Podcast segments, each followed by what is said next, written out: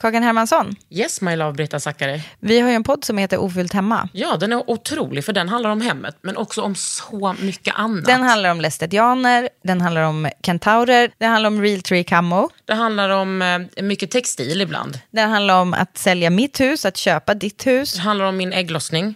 Alltid. Ja. Min också. Tack. Den heter Ofullt hemma och den finns där poddar finns. Hörs i podden, hej då! Ever catch yourself eating the same flavorless dinner three days in a row? Dreaming of something better? Well, HelloFresh is your guilt-free dream come true, baby. It's me, Kiki Palmer. Let's wake up those taste buds with hot, juicy pecan-crusted chicken or garlic butter shrimp scampi. Mm. Hello Fresh. Stop dreaming of all the delicious possibilities and dig in at hellofresh.com. Let's get this dinner party started.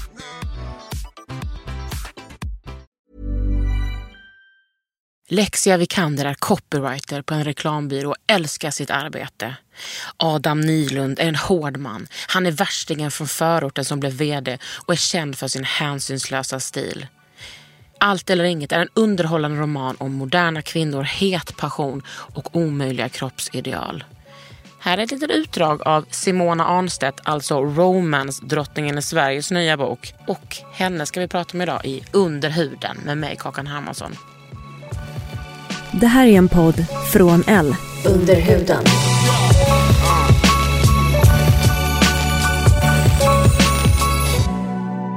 Under huden. Med Kakan, Hermansson.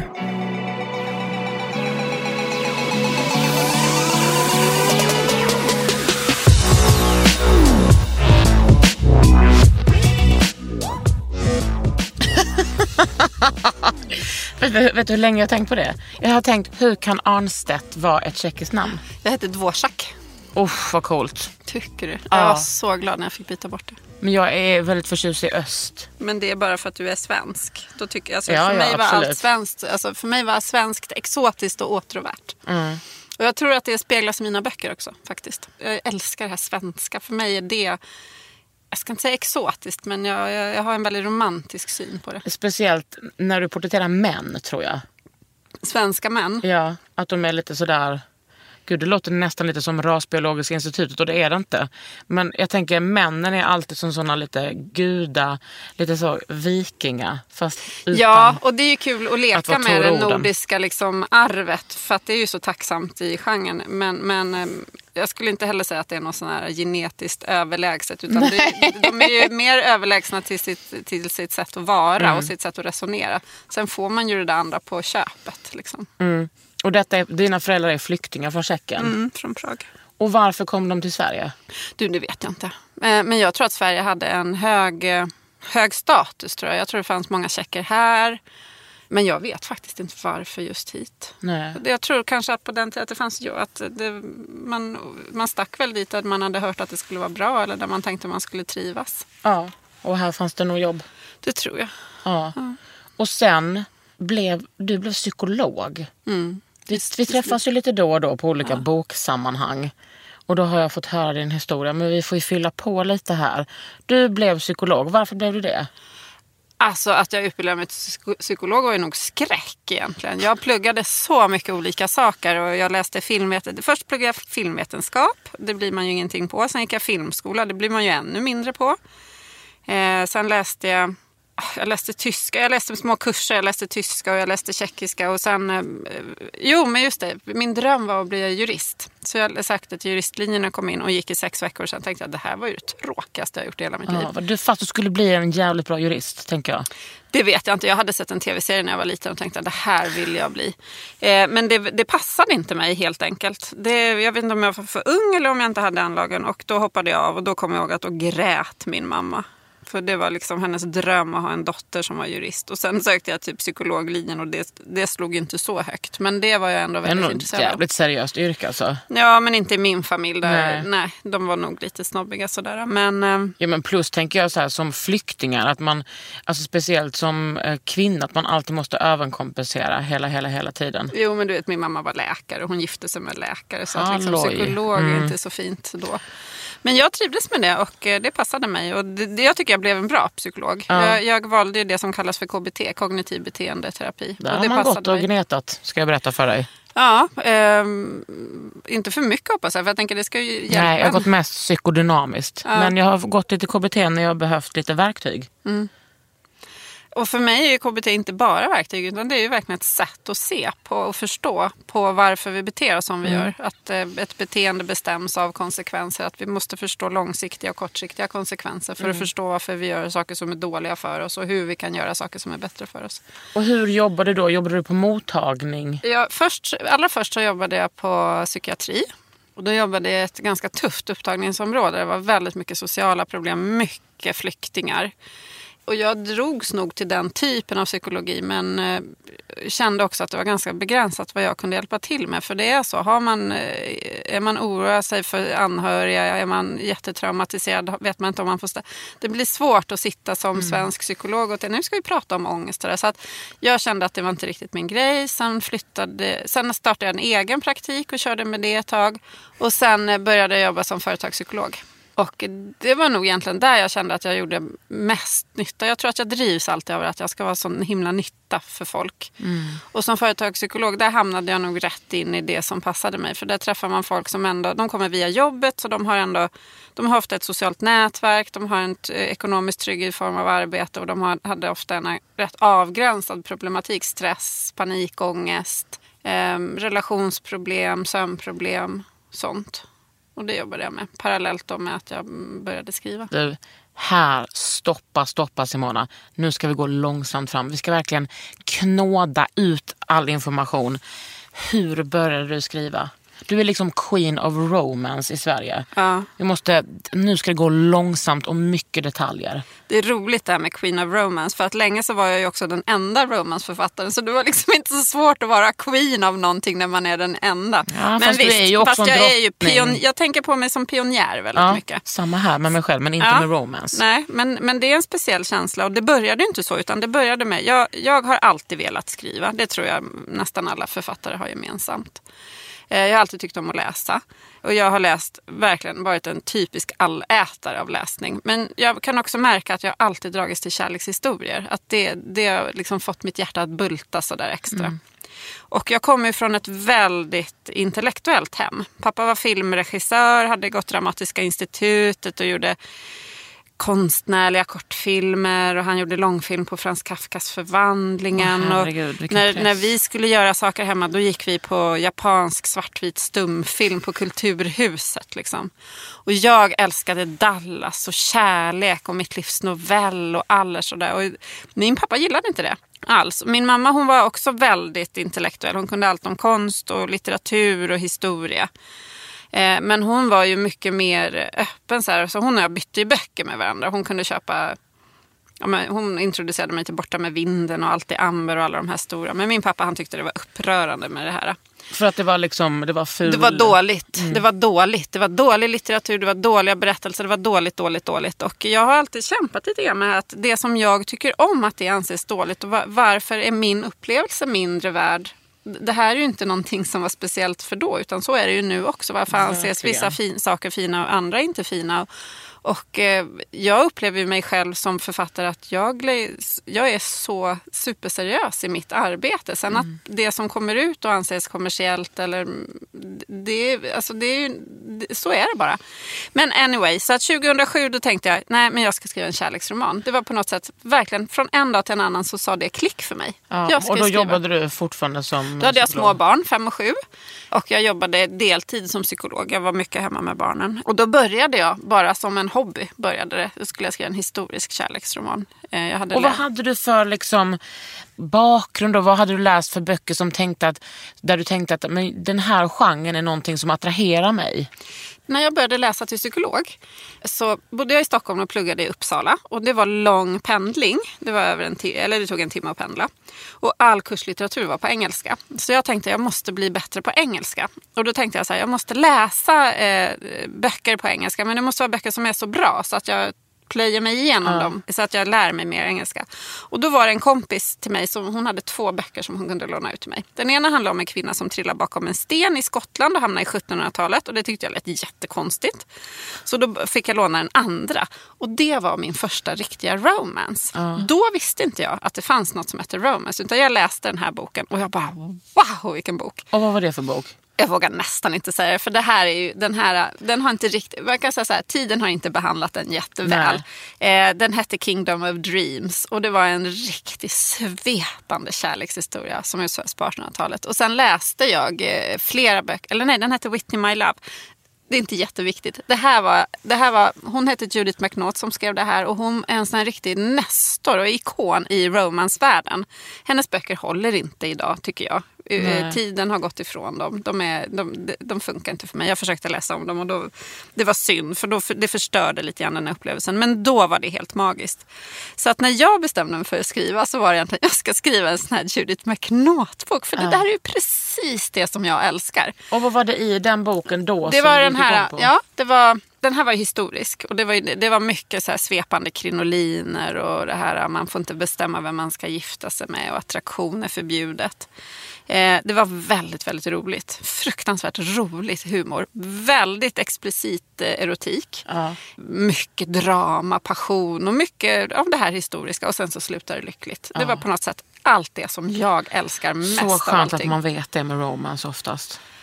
Jag tycker det också. Och en del, det, här, det här är ju särskilt svenskor då, eller svenskar som är så ovana. De är ju så upprörda här. Men om man vet hur det slutar, vad, vad är poängen med att läsa det? Och jag tycker det är jättekonstigt. För det är ju vägen till slutet som är det viktiga. Och du vet Ja. ju aldrig exakt hur det slutar. Och du, har ju alltid, du är alltid lite orolig för hur ska de få ihop det här. Det är ju det som är en bra romance. Eh, Jag tycker det är, något, det är något nytt som vi håller på med nu. För att man får absolut inte veta hur det slutar. För själva poängen att man inte vet någonting, det är det som gör en kvalitet på en bok. Och det är ju, det är ju någonting som ligger i tiden just nu. För mig är inte det jätteviktigt. Däremot så måste ju författaren vara skicklig och eh, hålla spänningen vid liv. Trots att man anar att nej, men de här två de kommer nog reda ut allting. Men, men vi vill ju vara med på vägen. Hur reder de ut det? Hur kommer de över alla hinder? Det är som en deckare. Du vet ju att mordet kommer lösas på slutet. Ja. Men du vill vara med på vägen. Det är det som är spänningen. Så då satt jag med fall och började, och då började jag verkligen googla först. Vilka, för jag, ja, jag ska skriva en historisk men jag hade ingen aning om vilken tidsepok. Och till slut så landade jag på 1880 för det, de hade så himla snygga kläder. Jag trodde du skulle säga att de hade så himla roligt då. Nej, det var nog inte jätteroligt. Men det var också en intressant tid för det är när eh, industrialismen kommer till, eh, till Sverige och till övriga delar av världen. Så att det blir en förskjutning. i Förut har vi haft en aristokrati och nu blir plötsligt meritokrati viktigt. Alltså att man kan plötsligt bli... Du kan arbeta dig till att få makt över ditt liv. Förut så var du tvungen att vara född in i eh, en viss klass och sen så stannade du i den klassen oavsett vad som hände. Men här börjar det finnas en möjlighet att skapa stora förmögenheter på, e- på egen hand. Så då valde jag det och det händer mycket. Det byggs mycket i Stockholm. Elektricitet börjar komma eller innan det. Det, det är en intressant tid. Och då skrev jag mitt eh, historiska drama, det som kommer att bli överenskommelser. Och sen gick det från att vara en hobby till att jag blev helt besatt. Jag slutade pilla i trädgården, ha middag, allt det där som jag hade. jag tänker all min kreativitet som förut hade eh, låsts i att göra fotoalbum och baka bullar plötsligt fick en helt nytt utlopp och det var att skriva böcker. Vad för re- reaktion fick du på det i familjen?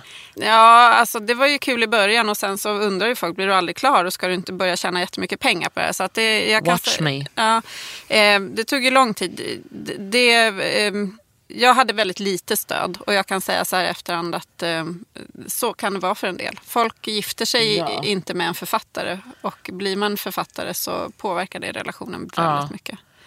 Men tror du att genren hade med stödet att göra?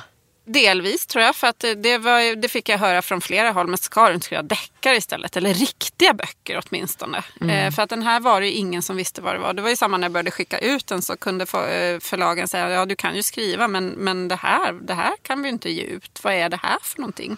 För då sammankopplade de det bara med så Harlequin, tantsnusk. Jag tror inte ens att de sammankopplar med det. För att eh, det, det, det, Harlekin är ju på något sätt inte ens litteratur i förlagsvärlden. För sju år sedan ska jag säga, för det har hänt väldigt mycket de här sju åren. Så att det jämfördes knappt med det, utan det var bara att den här typen av böcker är inte gångbart så här. Det, det är för omodernt. De hade liksom, eh, de hade ingen... De hade ingenting att jämföra med, det fanns ingenting att relatera ja, men jag tänker på, så här, på olika förlag, eh, vi är på samma förlag, att man har så här, en person som, den genren tar jag hand om, den tar jag hand om. Jo, det, nej, det, så kan det, nej, det vet, jag var ju på ett annat förlag, mina första böcker antogs ja. på ett annat förlag. Eh, um, och där fanns det en tjej som kunde lite grann om, lite grann om amerikansk eh, de kallades inte för romance utan det är women's fiction då i alla fall. Och hon var ju lite nyfiken på det här. Men sen blev jag ju antagen till slut då, efter väldigt lång tid och då var ju nästa steg hur ska vi få bokhandeln att ta in det här? Mm. Hur ska vi få dem att förstå att det här ändå är någonting? Så att väldigt mycket av mitt författarskap har handlat om att få folk att läsa. För att för mig är det jättetydligt att folk har en åsikt om vad jag skriver för typ av böcker om de inte har läst ett ord och en helt annan mm. åsikt eh, när de har läst. Så att väldigt mycket av mina sju år nu i förlagsbranschen har handlat om att få folk att läsa. Och jag sa det hela tiden till förlaget, får vi bara folk att läsa, då då kommer det gå. Så att vi la ner väldigt mycket fokus på det och jag hade ju rätt också. Det gick ju jättebra. Men hur gjorde ni då? Tror vi valde ut personer. Eh, det var väl enträget arbete och när någon hade läst och de tyckte det var bra så, så fick vi liksom prångla ut det. Mm. Men det är klart att det, det, har varit ett långt och enträget arbete skulle jag vilja säga. Och hur bemöttes då för sju år sedan? Var det överenskommelser? Mm. Mm. Hur bemöttes den boken i till exempel ja, men veckotidningar eller månadstidningar av recensenter? Alltså grejen är att det gick ju rätt så bra. Jag, jag, kan sitta och prata om att det är så mycket fördomar om när man skriver om romance och så, men jag har ju egentligen stött på väldigt lite sånt. Den, jag minns ju fortfarande hur en nöjesjournalist, om hon var på Expressen eller Aftonbladet, läste, för att den fick gå som eh, följetong i Cosmopolitan, vilket gav mycket mm. läsare. Och hon läste den och hon tyckte den var så bra. Och det är en tjej som jag fortfarande har kontakt med. Alltså som läser mina böcker och som eh, gillar dem. Så att det som hände var att folk började läsa boken. Recensenter läste och tyckte den var ändå... Jag fick ju vara med. med alltså jag, jag har ingenting att klaga på egentligen. Och ofta är det så när man har ju någonting... När man kommer med något nytt så finns det en, någon nyfikenhet på mm. det. Så att den nyfikenheten fanns. Egentligen var det svårare med den andra boken. För då fanns det ingen som var, då var det inget nytt längre. Nej. Och den utspelade sig på medeltiden och en del tyckte att det var svårare då. Vad heter den? Den heter ju Betvingade, den är ju så fantastisk. Jag älskar den. Ja men den är ju så fantastisk. Visst finns det också en god hämndaktion i den? Eller är det någon annan? Det, oh, det är så länge sedan jag skrev den. Den skrev jag ju dessutom precis när jag befann mig precis på botten i min skilsmässa. Ja, men du kan tänka på att det fanns lite hämnd med. Ja, men jag, jag har ju en annan eh, en sån här otrohetshämnd. Det är ju min andra, den som heter De skandalösa. Där en eh, sån här sällskapsdam ber en greve om hjälp att få hjälp och få eh, hämnas på sitt ex. Oh. Och den skrev jag, den utspelade sig på 1600-talet när Sverige är stormakt. Och där var jag jätteinspirerad egentligen av hela det här alla innemänniskor som glider omkring bara på fester och så. Så att det är ju en sån bok fast på 1600-talet. Ja, det, är så, det, men det tycker jag man känner. Jag har ju läst alla dina böcker. alltså slukat. Ja. Och det historiska är ju egentligen bara en miljö. Jag, mina historiska är ju, dels har jag med flit hållit ett väldigt modernt språk. Jag har ju en del såna här referenser, det tror inte jag folk märker, men i De skandalösa så säger ju greven, och jag är så trött på hela det här greve söker fru-spektaklet, för jag var väldigt inne i en bonde söker fru-period. Så jag satt och tittade på den och de försöker ju få den här greven att gifta sig, ja. så de skjutsar ju fram tjejer till honom hela tiden. Han har det så litet där på alla balar och sådär. Ja, det är jobbigt. Under huden. Ever catch yourself eating the same flavorless dinner three days in a row? Dreaming of something better? Well, HelloFresh is your guilt-free dream come true, baby. It's me, Gigi Palmer. Let's wake up those taste buds with hot, juicy pecan-crusted chicken or garlic butter shrimp scampi. Mm. Hello Fresh. Stop dreaming of all the delicious possibilities and dig in at HelloFresh.com. Let's get this dinner party started. There's never been a faster or easier way to start your weight loss journey than with PlushCare PlushCare accepts most insurance plans and gives you online access to board-certified physicians who can prescribe FDA-approved weight loss medications like Wigovi and Zepbound for those who qualify. Take charge of your health and speak with a board-certified physician about a weight loss plan that's right for you. Get started today at plushcare.com slash weight loss. That's plushcare.com slash weight loss. plushcare.com slash weight loss. Hur fick du självförtroende att liksom våga berätta de här historierna och tänka bara, fan det här är ju relevant för folk? Eh, Jag tänkte nog aldrig att det här är relevant för folk. Men det jag tänkte var att nej, nu är jag 40. Nu, te- nu kliver jag ur den här garderoben. Nu tänker jag stå för det här. Jag tänker stå för att jag gillar det här. Ska jag skriva, då, då ska jag ändå... Då, jag, eh, det är så lätt att man som författare tänker åh, att man ska skriva fint och att man eh, ska vinna priser och man ska få beundran och så. Och jag tänkte nej, nu, nu en gång i mitt liv ska jag faktiskt bara göra det som jag vill. Och det lovade jag mig själv på något sätt. Att vad jag än skriver så ska det vara för att jag vill det. Överenskommelser tillkom ju verkligen på det viset. Att det var ju verkligen så här, åh, en bal! Ja, jag skriver om en bal! Och så satt jag med, det var helt sådär att jag verkligen bara satt och kände efter vad jag ville mest av allt. Och då gör du massa research. Supermycket research. Super, super mycket research. Det är ungefär hälften. eh, Om det tar ett år att skriva en bok så tar ett halva året är research och halva Ja. året är att skriva. Jag tror inte folk riktigt förstår hur mycket research det ligger bakom en bok. Nej, och det är nog olika för olika Absolut. personer. En del eh, författare gör ju inte så mycket research för att de tycker inte det är så kul. Jag tycker ju det är så fruktansvärt roligt. Det är kul när det är liksom eh, akkurat. Ja, jag tycker det. det? när, det är liksom, när det är real. Ja. Jag tänker på kläder och sådär. Behöver du någon gång hjälp med historiska kläder så har jag ju en person som är expert på det. Jaha. Sanna Nyström. En otrolig kostumör. Jag skulle så gärna skriva en historisk till. Eh, vi får se hur det blir. Mm. Du har ju hjälpt mig med underkläder. Ja, precis. Alltså en karaktär. Ja. och vilka coola underkläder man kan behöva. Det var verkligen så kul. Jag bara, jaha, nej, men hon gick och köpte en Marlies Deckers bh. Tänka sig. Ja, det var, eh, det var roligt. Att liksom se sig själv och sina ord lite i, den, där, eh, i den där senaste boken. Oh, den är bra. Fan vad den gick snabbt att läsa. Det liksom gick på ett, eh, ett litet, ja men två dagar. Det är fantastisk komplimang. Alltså för mig är det Ja. fantastiskt. Det är väldigt dubbelt då. För att det, det har ju tagit ganska lång tid att skriva den och sen när folk har läst ut det. Jag läste den på sex och sen är det över. Det är det va? Ja, men jag, sen har, är ändå, jag har ändå burit med mig den lite liksom. Och tänkt på det där. Och det var nog den eh, karaktären, den kvinnliga karaktären Mm. som jag kunde identifiera mig mest med av alla karaktärer. Och jag har hört det från, från flera. Jag satt och pratade med någon tjej och hon sa precis så där äh, pratar min mamma med mig. Mm. Eh, och mamman är ju inte jättesnäll. Nu eh, har jag tonat ner mamman mot hur hon var i de första utkasten ändå. Min huvudpersons mamma säger ju saker som jag har fått höra från min mamma. Ja. Men jag kan bli så ledsen. Jag tänker, jag är ju själv barn och jag tänker vad viktigt det är att man inte, äh, vad, vad sån kritik är. Men det tycker jag var en skitfin... Det där känner inte jag igen mig så mycket men jag tycker att det är en skitfin beskrivning av en, en mor-dotter-relation. Även om den också är skitjobbig. Eftersom hon, mamman är ju då uppenbarligen väldigt ätstörd, tillhör en, en, en överklass och det brukar jag säga att när man kommer till Östermalm så är ju alla kvinnor liksom 25% smalare än resten av Stockholm. Och det, något liknande säger hon väl till och med i den här mamman också. Ja. Att det är så skönt att bo på Östermalm där alla är smala. Ja, men precis. Och jag bara nickade. Vi sitter ju här på Östermalm och spelar in det här. Men att, att det, är, det är en sån folksjukdom. Det är en sån kvinnosjukdom liksom. Men, och det tar så mycket kraft som kvinnor skulle kunna lägga på andra saker. Det, men det är därför det är så skönt med kvinnor som ätstörningar. Att det är pacificerande. Då kan inte vi göra revolution.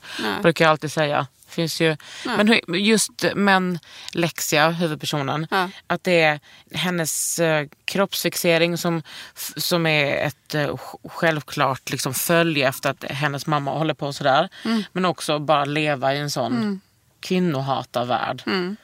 Att man bara känner sig så osäker hela tiden och kroppen är... Istället för att vara glad för en frisk kropp så är man typ ledsen för två och ett halvt kilos övervikt. Och en pojkvän som har dumpat henne för han tycker hon är lite för mycket kvinna för honom. Eller Ja, och hur många har liksom inte varit med om det? Och det är det som är så himla roligt och det tycker jag i dina historiska också. Att du får liksom in... Alltså jag skrattar men det är för att jag har själv, alltså Ja. det där är ju, jag har ju själv varit med om det. Ja, ja, ja. Men i de historiska tycker jag du får in så här genus och feminism. Även om på den tiden fanns det väl inte en tillstymmelse till analys. Men du kan ändå överföra analysen Mm. i boken. Ja, och det går ju inte att skriva tycker jag annars. Eller då blir det en annan typ av böcker och eh, så ser ju romance ut. Jag, eh, vi har inte så mycket i Sverige men i USA eh, så är det den största genren och de författarna... Är det? Ja, det är dubbelt så stort som deckare i USA. Så att romance är världens största litterära genre. Och de författare som jag läser och följer är, är ju otroligt feministiska. Det stora samtalsämnet inom romance-communityt just nu är ju mångfald och inklusion. Att vi kan inte bara hålla på och skriva om vita människor hela tiden. Man pratar jättemycket om att vi måste skildra världen så som den ser ut. Eh, och det är en diskussion som jag inte upplever förs i någon annan litteraturgenre på det öppna viset som det är. Eh, och de böcker som jag läser, jag läser både historiskt och modernt. Det är klart att en del inte är så himla Ja, men så som jag tycker om att läsa. Feministiska, mångfaldiga, inkluderande. Som har gjort en analys. Men det finns ju författare som verkligen, där man verkligen får det här. och Där man känner att en, alltså någonting händer. Och gud, det där vill jag ha tips på. Ja, och jag kan säga att vi kommer ju, jag är ju då sedan några månader tillbaka rådgivare till ett nystartat förlag inom Bonnierförlagen som ska börja ge ut översatt eh, amerikansk romance. Nej. Mhm. Vi släpper vår första, ja, första boken släpps eh, lagom till alla hjärtans dag. Och det är en bok som jag har varit med och valt ut. Då kommer det komma översatt romance till Sverige. Det, bra det är vi författare. redo för. Det är Ja, vi redo för. Jag tror, jag tror Men hoppas det också. hur- förutom du, drottningen, Mm. hur många andra romanceförfattare finns det i Sverige? Det börjar ju poppa upp. Vi har ju, så här, vi har ju svenska Harlequin eh, som är köpta av Harper Co- Collins som håller på att etablera sig på den svenska, eller som har etablerat sig på den svenska marknaden. Och jag vet att de arbetar aktivt på att ta fram svenska romanceförfattare och det har börjat komma några där som de har publicerat eh, under Harlequin-loggan. Då. Men det som vi tänker på som Harlequin idag är inte riktigt det som Harlequin är utan det börjar bli mer och mer som Dels så har de ju det här som svenskar ofta tänker på när de har Harlequin. Det är de här korta eh, serieböckerna nästan som säljs i Pressbyrån i pappställ. Men Harlequin är ju också ett vanligt förlag och börjar ge ut mer och mer hur ska man säga, vanlig eh, litteratur fast i romance-genren. Vad skulle du säga skillnaden på, eller om det finns någon skillnad på Harlequin-romaner eh, och romance-romaner? Eh, alltså så här, all, all Harlequin är romance. För att romance är, handlar om kärlek och så slutar det lyckligt, typ då, jätteförenklat. Men, men på samma sätt som det finns deckare då så kan det vara allt ifrån kioskdeckare till ja, men du vet, eh, samhällsanalytiska Katarina Wenstam-böcker. Allt är ju deckare. Och på samma sätt så finns det romance. Allt ifrån lite enklare berättelser som ibland kan vara lite mer mallade som säljs inte i bokhandeln utan mer som nästan som tidningar till, ja, men, till Jane Austen eller mina böcker eller någonting. Så att allt är romance men sen i Sverige har vi bara haft den där lilla, lilla på ena änden av spektrumet och det finns mycket, mycket mer och det är det vi hoppas att vi ska kunna börja ge ut nu. Hur blev du så bra på att skriva om sex? Jag tar det på väldigt stort allvar, skulle jag vilja säga, ämnet. Jag eh, har läst mycket. Eh, Amerikansk romance som jag läser innehåller mycket sexskildringar och det är klart att läser man mycket så får man... Men och sen är jag, måste man vara modig tror jag. Jag eh, får ofta redigera, får redigera mina sexscener jättemycket för jag, går, jag har liksom ingen gräns. Helt gränslös. Och min förläggare är, hon brukar själv säga att hon är Sveriges prydaste förläggare. Det är inte sant. Men, men, så att vi försöker hitta en kompromiss någonstans. Eh, Men jag är rätt så modig. Jag har alltid varit intresserad av erotik och kvinnlig erotik. När jag, även när jag läste till psykolog så funderade jag länge på om jag skulle utbilda mig till just sexolog. Och eh, jag tycker att det är en... eh, Jag tycker just kvinnlig sexualitet, vi tjejer när vi växer upp, vi pratar inte om det på samma sätt. Men Nej, när man gud. börjar prata med kvinnor så är det väldigt intressant. Sen tycker jag det är svårt att veta varför man är intresserad av något eller tycker det är spännande. Men jag tror att nyckeln till att skriva bra erotik då, eller bra sex, om, om folk nu tycker det är bra, det är ju att våga. Att våga vara, ja att på något sätt lägga ut allting där. Det är väldigt jobbigt också. Det är hemskt jobbigt att bli kritiserad för det eh, också. Jag tänker att det är, sån, det är en sån ständig diskussion om hur dåliga alla är på att skriva om sex. Men man måste ju öva. Ja. Och övar man inte så blir det inget bra. Sen tror jag, tycker jag väldigt mycket, alltså, tricket är ju också att skriva sex, försöka hitta det som inte är skrivet förut. För att det blir väldigt lätt väldigt generiskt. Mm. Och det försöker jag undvika. Kommer du ihåg din första eh, sexskildring, vad du skrev? Eller hur liksom... Frågar du mig om jag kommer ihåg det? Ja. Nej, det gör jag inte. Det var så länge sedan. Jag skrev erotiska noveller för länge sedan. Nej, det, jag kan inte påstå att jag minns. Så där. Tror du att den var bra? Nej, det tror jag inte. För om man tänker att den första jag skrev var i överenskommelser så var ju ingenting där bra. Jag fick jobba om allting många gånger. Men sen när det väl blev publicerat så var det nog helt okej. Ja, det tyckte jag. Men då får man ju, då, alltså man, kan, man kan inte jämföra det man sitter hemma och skriver första gången med det som är publicerat. Det som är publicerat är ju redigerat kanske 5, 10, 20 gånger. Särskilt när det är en debutbok. Men till exempel i, eh, heter den Ett enda val, en enda chans. Alltså hon rödhåriga som gillar lite mer BDSM. Eh, BDSM-boken, En Ja. enda hemlighet. En enda hemlighet. Det är min BDSM-bok, ja, precis. Den delade ju läsarna mest av allt. Det är min minst lättillgängliga bok skulle jag säga. Ah, du menar att den delade i... En del tycker den är jättedålig och en del tycker den är jättebra. Den, jag tycker annars så får jag en känsla för, som den här senaste, det känns, den, är, den gillar alla. Liksom. Ja. Menar du då att det är på grund av sexet som att... Jag tror att det kan vara en bidragande orsak. Det var någon som tyckte det var så... Det man hör då, eftersom folk inte har läst Romance i Sverige, ja men nu försöker hon göra en 50 shades-kopia. Och det eh, vi- försökte jag inte då. För att Nej. eh, för Romance är ju för mig mycket mer än 50 shades som kom för 200 år sedan, eller sju år sedan, eller vad det är, fem år sedan. Ja, och det handlar ju inte bara om sex. Nej men det är ju en annan bok, men Ja. det, är, det är det folk har att jämföra med eller relatera till. Det är ju det, är det som är problemet grann när man skriver. Jaha, är det såna här 50 shades böcker du skriver? Ja, så jag skriver ju romance och 50 shades var en romance som kom för jättelänge sedan. Sen 50 shades släpptes har det släppts kanske 5-6 tusen böcker i genren. Och av dem är jättemånga erotiska och rätt många är BDSM. Så att, vill du fråga något om den där en enda hemlighet? Jo, jag ville ju fråga hur du gjorde research. Ja, för det vill jag gärna. Det ville du berätta, va? Nej, men jag är ju rätt nöjd med det. För jag gör ju väldigt mycket research. Mm. Och jag var ju väldigt mycket... Dels så, jag köper ju ofta litteratur, det som jag hittar. Jag har ju mycket sån här litteratur om kvinnors hemliga fantasier. Jag eh, intervjuar faktiskt tjejer. Jag har några tjejkompisar som, som vågar vara öppna. Där jag kan fråga, vad tycker du är sexigt med det här? Och vad, ja, att vi kan prata om det. Det gör inte kvinnor gans, alltid, eller ganska sällan, om man inte direkt frågar. Sen var jag ute på mycket såna BDSM-sajter och kollade och lärde mig mycket. Och sen dej- stämde jag faktiskt dejt med en man från en sån sajt. Och det är ju mer en rolig historia. För det Men ledde var du inte- öppen då med att det var research? Ja, eller? det, jo, men det, jag är alltid öppen. Jag lurar aldrig folk. Jag var helt öppen med det. Men han erbjöd sig att smiska mig. Ja. Men jag tackade faktiskt nej. Det var alltså en, domi- en dominant man. Ja, jag hoppas han inte lyssnar nu då. Men jag tackade Jag nej. vet inte om man lyssnar på Under huden med Kakan Hermansson faktiskt. Vi får, vi får se. Men jag, var, jag lyssnade, det fanns en podd också som handlade om BDSM. Som jag inte minns. Men det kommer jag så väl ihåg. För då satt jag verkligen och lyssnade. Den är ju rätt intensiv. Och satt och lyssnade på den. Så kommer jag så väl ihåg mina hörlurar åkte ut. Och så ut flödena. Jag minns inte vad den hette. Men det var någon. eh, Med, om det var tre dominanter som satt och pratade Ja. om det. Jag intervjuade folk på RFSL. RFSU. RFSL säkert. Ja, så att jag gjorde väldigt mycket research för det var jätteviktigt för mig att, att det blev bra. Att det blev... eh, Det är ju komplicerat det där eh, ämnet, det där en kvinna som vill vara undergiven. Då. Det är mycket som man måste tänka på så att det blir bra skildrat. Ja. Och eh, faktiskt så hade jag från början ingen scen där de byter, på, där, de byter där hon får vara den dominanta. Men då fick jag faktiskt förslag att vore inte det ett sätt kanske att på något sätt skildra det där. Och då skrev jag in det. Och där, det hade jag jättesvårt med.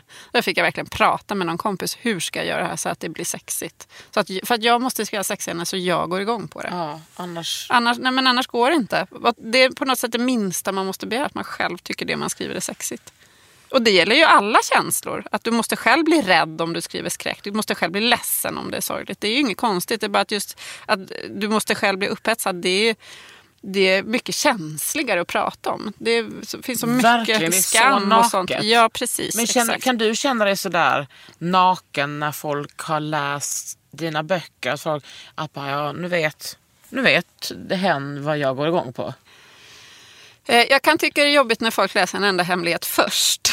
det har hänt ibland. Och då kan jag känna att jag skulle nog vilja... Jag, jag, jag är inte bekväm med att det är den första boken. Och framförallt kanske inte om det är män i min egen ålder. Det kan jag tycka blir lite... Det blir för privat. Men kan du märka då att de, att de har en annan blick på dig? Nej, det vet jag inte. Det brukar jag nog inte bry mig om. Alltså nej, det händer inte så ofta ska jag säga. Men jag brukar inte rekommendera det som den första boken. Det var min andra bok jag läste av dig. Kiruna-boken var den första. Och kanske just om det är en kvinna så känns det... Jag tänker man, man delar mer med kvinnor. Alltså, jag känner mig alltid mer... Mm. Jag vet inte. Man blir inte lika hö med kvinnor. Jag avskyr det där när det ska höas Mm. kring sex och erotik. För jag tycker det är ett eh, ämne som förtjänar att tas på allvar. I alla fall när Mm. det handlar om kvinnlig erotik. Som ju det här ändå gör. Sen, det, jag känner mig inte jättenaken när folk har läst min bok. För att när den är ute, det jag känner den har gått igenom, min förläggare har läst den, min redaktör har läst den, vi har putsat. Jag kan känna att jag lämnar ut precis lagom mycket. Det som är jobbigt är ju ibland när jag bara skriver en scen och skickar den till förlaget och sen så tycker de inte om den. För det hände mig någon gång att jag skrev en rätt så avancerad em, sexscen i en enda natt.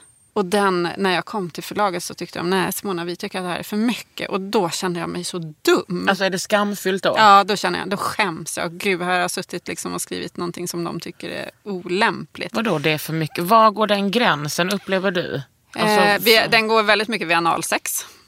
Ja, det får man inte ha. Eller, alltså, det handlar inte om vad man får och inte får, utan det handlar om vad vi tycker funkar och inte funkar. Och där har vi haft eh, olika eh, syn på saker och ting än så länge. Okej, och vad, om man kollar på hur det ser ut i USA där romance är så stort, hur ligger det till med analsex där?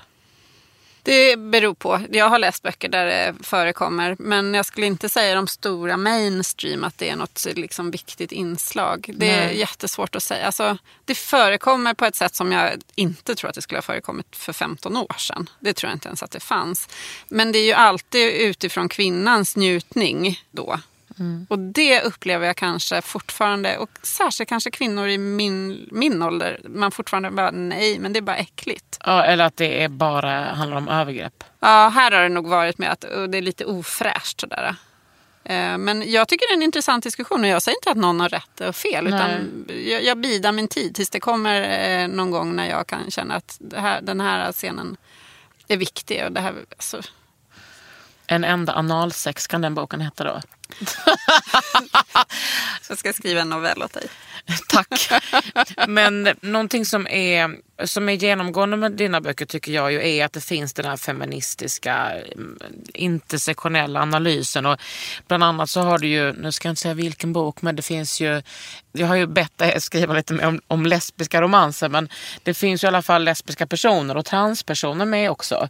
Hur kommer det sig Jag att... har ju en lesbisk eh, romans, romance, Precis, säg, nu inte, säg nu inte vilken bok det är så Nej. att lyssnarna... Mm. Jag tycker den är jättefin. den det är för- så jävla göttig. Ja, ja, jag tycker också det. Ja. Där gjorde jag research. Jag kysste fyra kvinnor. Vet vad, den. det är inte mycket research Simona. Alltså jag tyckte det var, för mig var det tillräckligt. Ja, just det där med att kvinnor hade mjukare läppar än män. Det var faktiskt nytt för mig. Jaha. Nu är inte jag jätteerfaren så det kanske finns massa män med jättemjuka läppar. Men det var det, var det jag lärde mig under det. Jag är inte vildare än så. Liksom. Ja, jag tycker stryker jag- analsexscener och kysser kvinnor på fyllan. Ah! Det var ju ändå så att du var lite full och bara, "Får- ska vi hångla? Det var inte som att du bara, klockan tre på tisdag så ska jag träffa en Nej, kyssa." utan det var mer sådär att jag skulle behöva göra lite research. Ställer upp. Och var det lesbiska tjejer då? Nej, det var det inte. Nej, men jag har någonstans förstått att det, det anses inte helt okej att hålla på Nej, om är man är helt straight. Faktiskt. Nej, och det känner jag att det, det blir lite respektlöst. Då kan väl vi hålla men på och är bra. fumla sådär. Vi, Det är inte för sent än Simona. Nej. Att go to the lighter place. om man säger så. Men jag skulle hemskt gärna skriva eh, mer sådana scener. Mm. Det är väldigt roligt. Eh, ja, för jag, det är, jag försöker som författare att- att att variera mig. Ju. Mm. För att det är ju det roligaste. Men jag då som är lesbisk, jag kan tycka att det är så jävla skönt att bara slippa det lesbiska och bara få typ, alltså bara stänga av och bara få läsa lite så straight. Lite straight eh, kärlekshistoria, känna som att jag är 14 igen. Förstår du vad jag menar då? Ja, men för det, och, och det, jag gillar det själv. För att mina böcker, tänker jag, för mig är ju de här stora läsupplevelserna jag hade, det var ju när man var tonåring. Det är nå- någonting med hur stark, man känner allt så starkt. Och det är på något sätt det jag försöker åstadkomma när jag skriver. När man upplevde saker för första gången. Ja, men inte, jag gillar ju själv inte såna här tonårsromanser och sånt. Jag går inte igång på det. Men just de här starka känslorna man hade. Och Ja, det jag kunde tänker- vara allt ifrån film och böcker och vänskaps... Dirty Dancing, Ja. Tordyveln flyger i skymningen. Alltså, stark tobak. Men det där som man kommer ihåg än idag. Som d- de största känslorna. Och jag har aldrig varit mycket för det här less is more. Det var någon som skrev nu om min eh, senaste bok. Han tyckte slutet var lite för mycket. Bara, ja, för att jag vill ju ha Hollywood-slut. Jag kämpar för Hollywood-slut i alla mina böcker. För jag älskar det. Gud, bokrecensenter är verkligen någonting speciellt. Alltså, de ska ha så mycket åsikter om allting. Jag kommer ihåg när jag släppte min bok. Att då var, det, då var, då folk var så himla irriterade på för att jag hade skrivit om Sex and the City. Och det var till och med någon som sa så här. Varför har inte hennes redaktör tagit bort det här? Det är det som är så gött när man skriver böcker. Att man får bestämma rätt mycket själv. Mm, mm. Och, och det, det är ju ett missförstånd att redaktörer eller förläggare bestämmer eller Ja, tar bort saker. de utan de pratar och man resonerar och tycker man att någonting ska vara kvar, en analsexscen till exempel, då slåss man ju för det. Ja. Eh, och jag har valt att ta bort en del grejer och, så, och ibland kan jag lägga till någonting för jag vet att de tänker ta bort det. Så Ja. då går jag med på det så får jag behålla en annan grej. Smart. Eller får, återigen. Det, jag, är inte, jag, vill bara, nej, men jag är inte styrd av någon, det är jätteviktigt Mm. för mig. att säga, Men jag har väldigt kloka människor som jag samarbetar med. Ja, det jag tycker, alltså, fy fan vad man fattade när jag hade skrivit den här boken. Mm. Jag förstod vad, hur liksom viktig en förläggare var. Mm. Teresa Knochenhauer, min fantastiska, fantastiska Nej men de är ju vägvisare. magiskt. Alltså, de, de gör ju underverk och det, ja, det är svårt att skriva en bok. Och vad ska du skriva härnäst? Och jag pratar aldrig om mina nästa projekt. Nähä. Så att jag har precis lämnat in ett synopsis på min nästa. Eh, men det jag ska göra är faktiskt att vila lite grann. För det har varit väldigt intensiva år. Så att jag har lämnat in ett synopsis på en bok som ska komma 2019. Ja men det är ju lagom. Mm. Men hur kan man vila när man är författare? Eh, Är det då att du har kommit in lite cash eller? Ja, precis. Och det är ju anledningen till att jag inte har kunnat vila. För det har verkligen inte funnits några pengar. Utan jag, och, eh, och sen har det ju gått bra för mig de senaste åren. Eh, det. Översätts du till andra språk? Ja, alltså En enda natt är ju såld till 20 länder och USA köpte ju hela trilogin. Cha-ching! Och England köpte hela trilogin, Tyskland, Danmark, Spanien, alltså jättemånga länder. Men, och det är jättekul, men det genererar också väldigt mycket nytt jobb.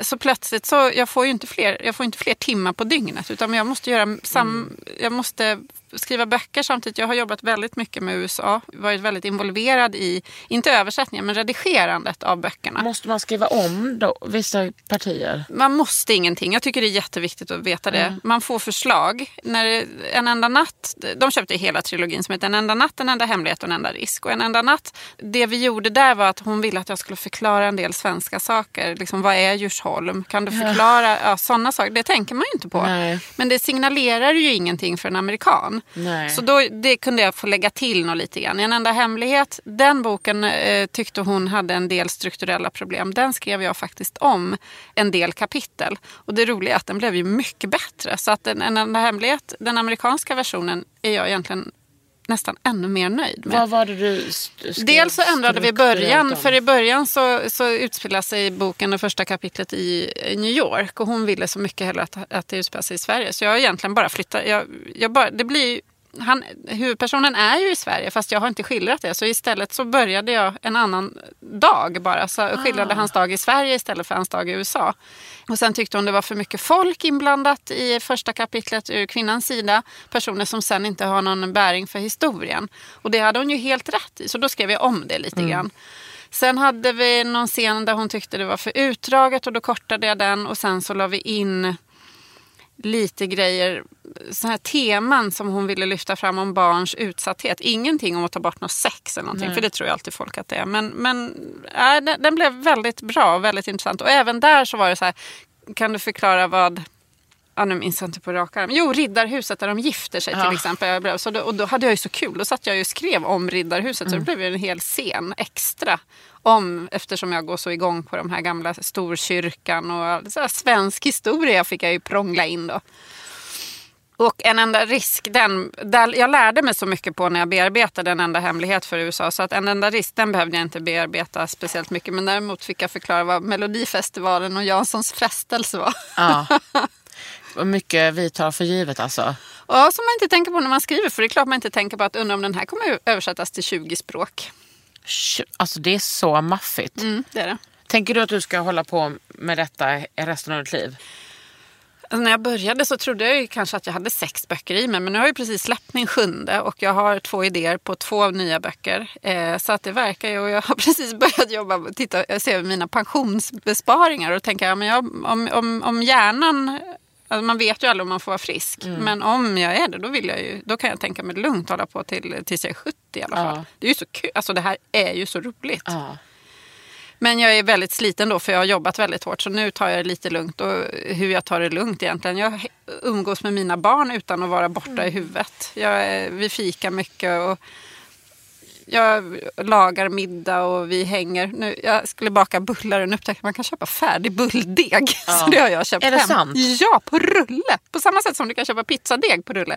Så hade ICA eh, sitt eget märke färdig bulldeg. Så det har jag köpt. Så då får man ändå känslan av att man har bakat lite. Ja men du måste ju ändå göra fyllningen och allting. Och så gör du, fast du slipper hålla på och kavla. Alltså det är ju helt magiskt. Så det ska jag göra idag. Det ska jag börja syssla med.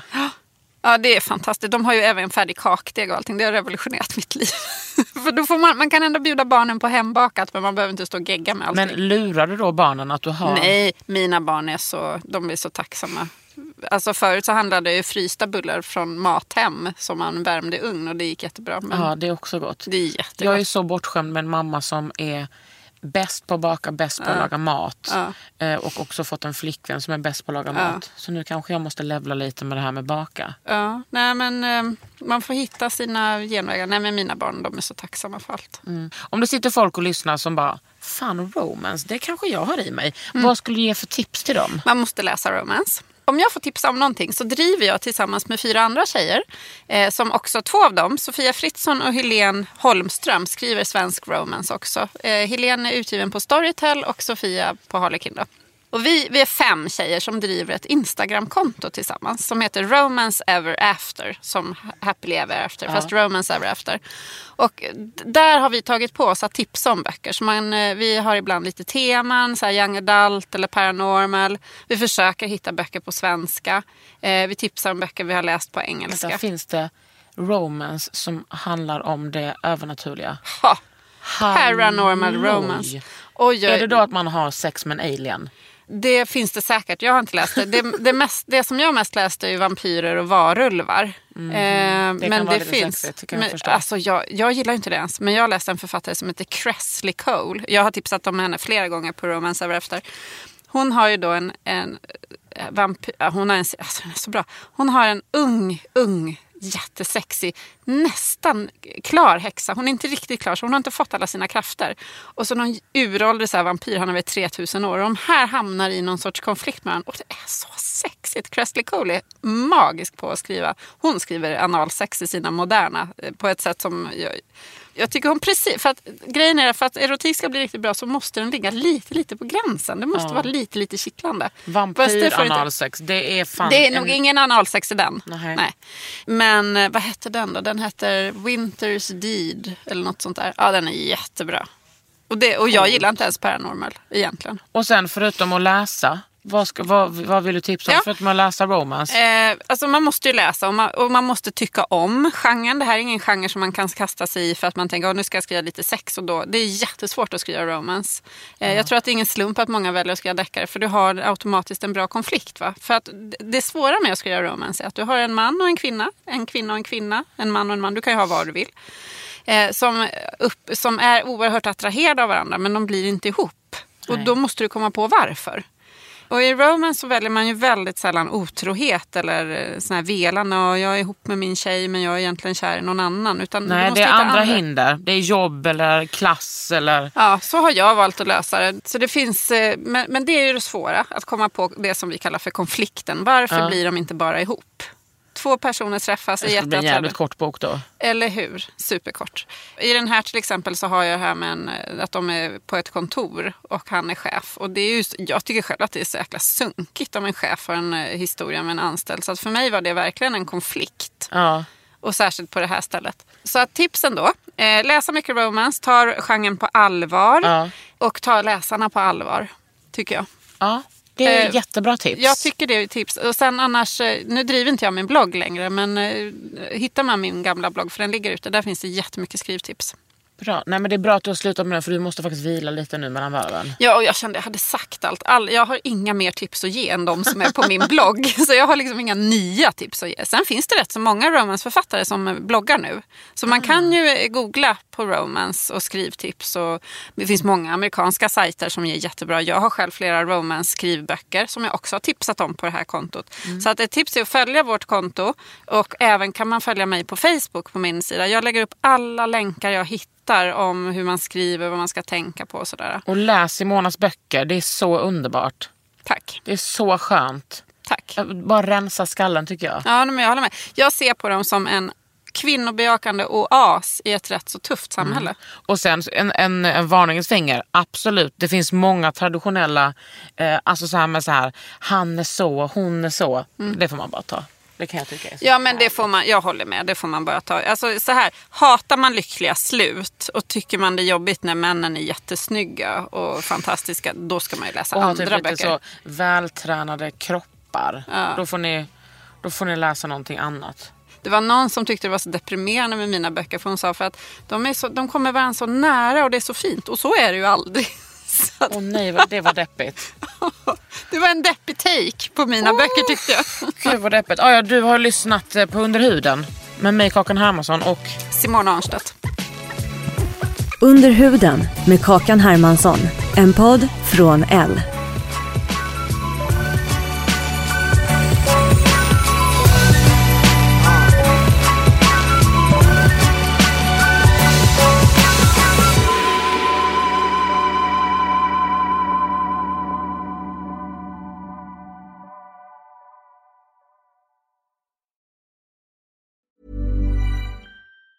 Hey, folks, I'm Mark Marin from the WTF Podcast, and this episode is brought to you by Kleenex Ultra Soft Tissues, your ally to help tackle your allergy symptoms this season. I love the change of seasons, but nobody loves pollen and all those other things floating in the air that make you sneeze during this nice weather. Kleenex Ultra Soft Tissues are hypoallergenic and allergist approved, so fight back against watery eyes and runny noses without worrying about irritating your skin. For this allergy season, grab Kleenex and face allergies head on.